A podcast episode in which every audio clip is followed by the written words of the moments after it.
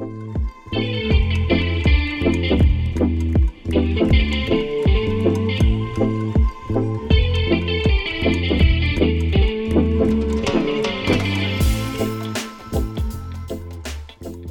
merhaba, ben Şule. Nasılsın? Ben Amerika'da Silikon Vadisi'nde yaşayan bir mühendis ve bilgi çılgını biriyim. Farkındalık, kişisel gelişim, eğitim, kariyer ve psikoloji konularında bitmek tükenmek bilmeyen merakım sayesinde Konu Sensin podcastinde buluşuyorum seninle. Sen de benimle bu yolculuğa katılmak ve kendinin en iyi versiyonunu yaratmak istiyorsan hoş geldin.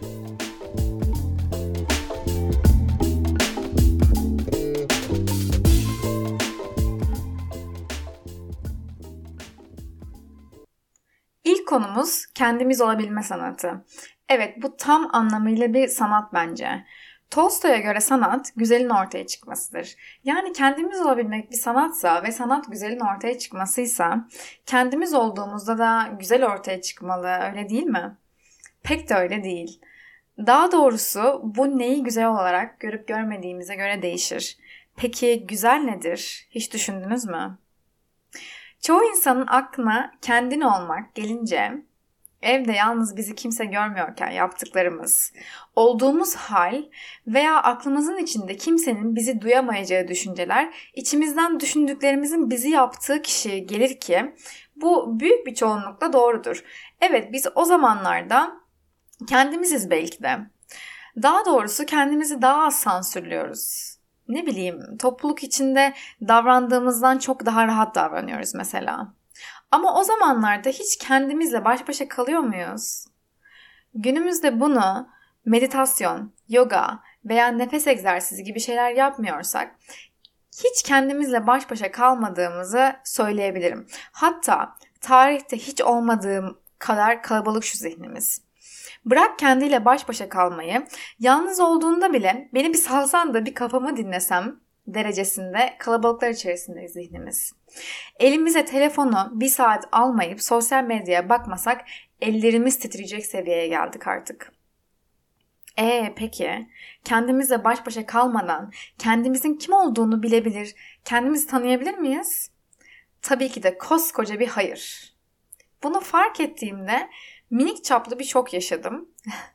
Düzenli olarak meditasyon, yoga, anda kalmak gibi uygulamalara neden sürekli burun kıvırıp zaman ayırmadığımı, 15 dakika bile zamanım yok dediğim 15 dakikaya hatta ne 15 dakikaları nasıl farkında bile olmadan, neye harcadığımı bilmeden çarçur ettiğimi, benim zamanı değil, çoğu zaman dürtülerimin ve dopaminin beni yönettiğini, irademi gitgide kaybettiğimi fark ettiğimde anında aksiyon al taktiğimi geliştirdim.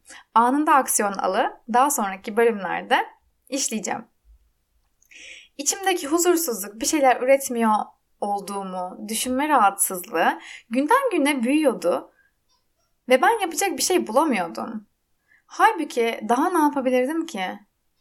Türkiye ve Amerika'da en iyi okullarda okumuş, dereceyle mezun olmuş, yaptığı tek iş başvurusundan direkt kabul almış ve tek hayali Silikon Vadisi'nde bir şirkette çalışmak olduğunu zannedip onu başarmış biri. Yani benim konumumda olan birisi. Genel geçer yargılara göre zaten en fazla terfi alıp maaşını artırırsa mutlu ve huzurlu olabilirdi.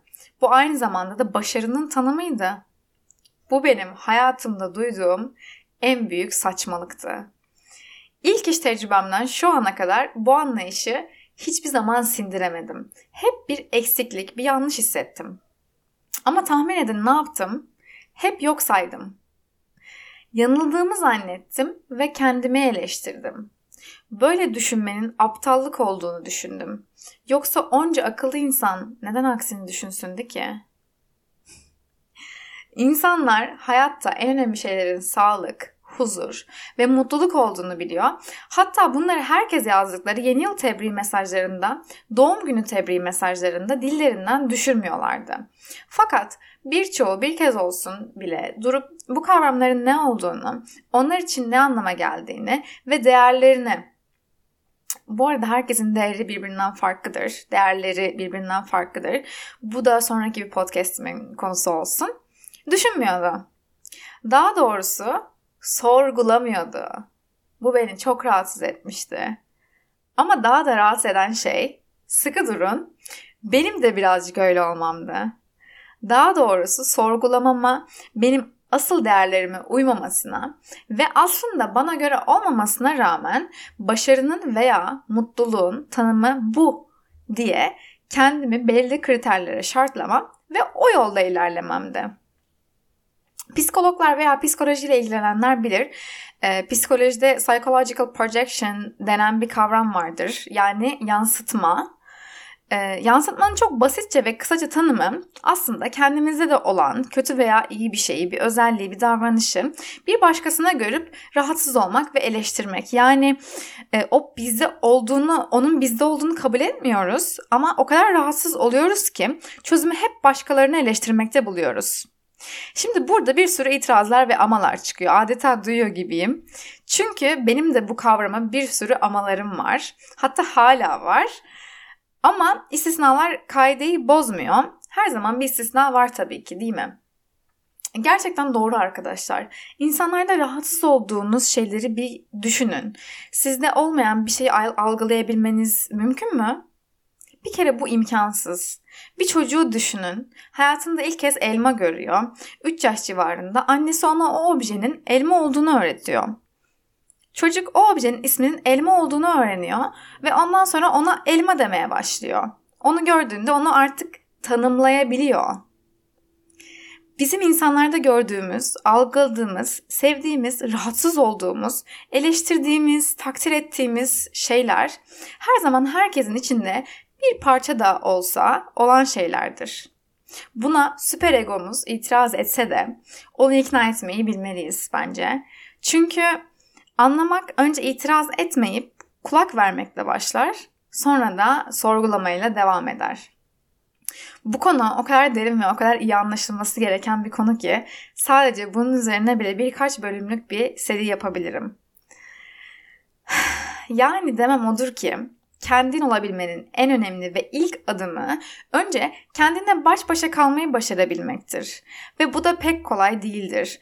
Özellikle de insanların birçoğunun kendinle baş başa kaldığını zannederken bile aslında baş başa olmamalarından anlaşılabilir.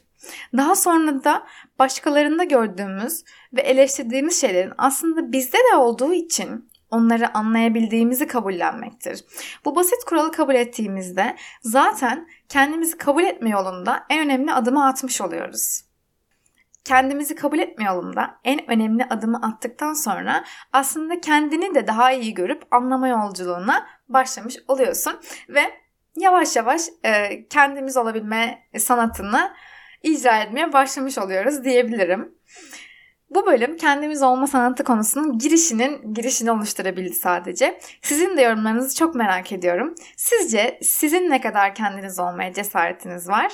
Benimle Instagram'daki yorumlarda paylaşın lütfen. İlerleyen bölümlerde hangi konular hakkında podcast dinlemek istersin? Benimle Instagram postunun altında paylaş lütfen. İlham verici hikayeleri olan konuklarımla sohbetlerimi de dinlemek istiyorsan lütfen takipte kal. Beni Instagram'dan takip etmeyi unutma. Görüşmek üzere. Kendine iyi bak.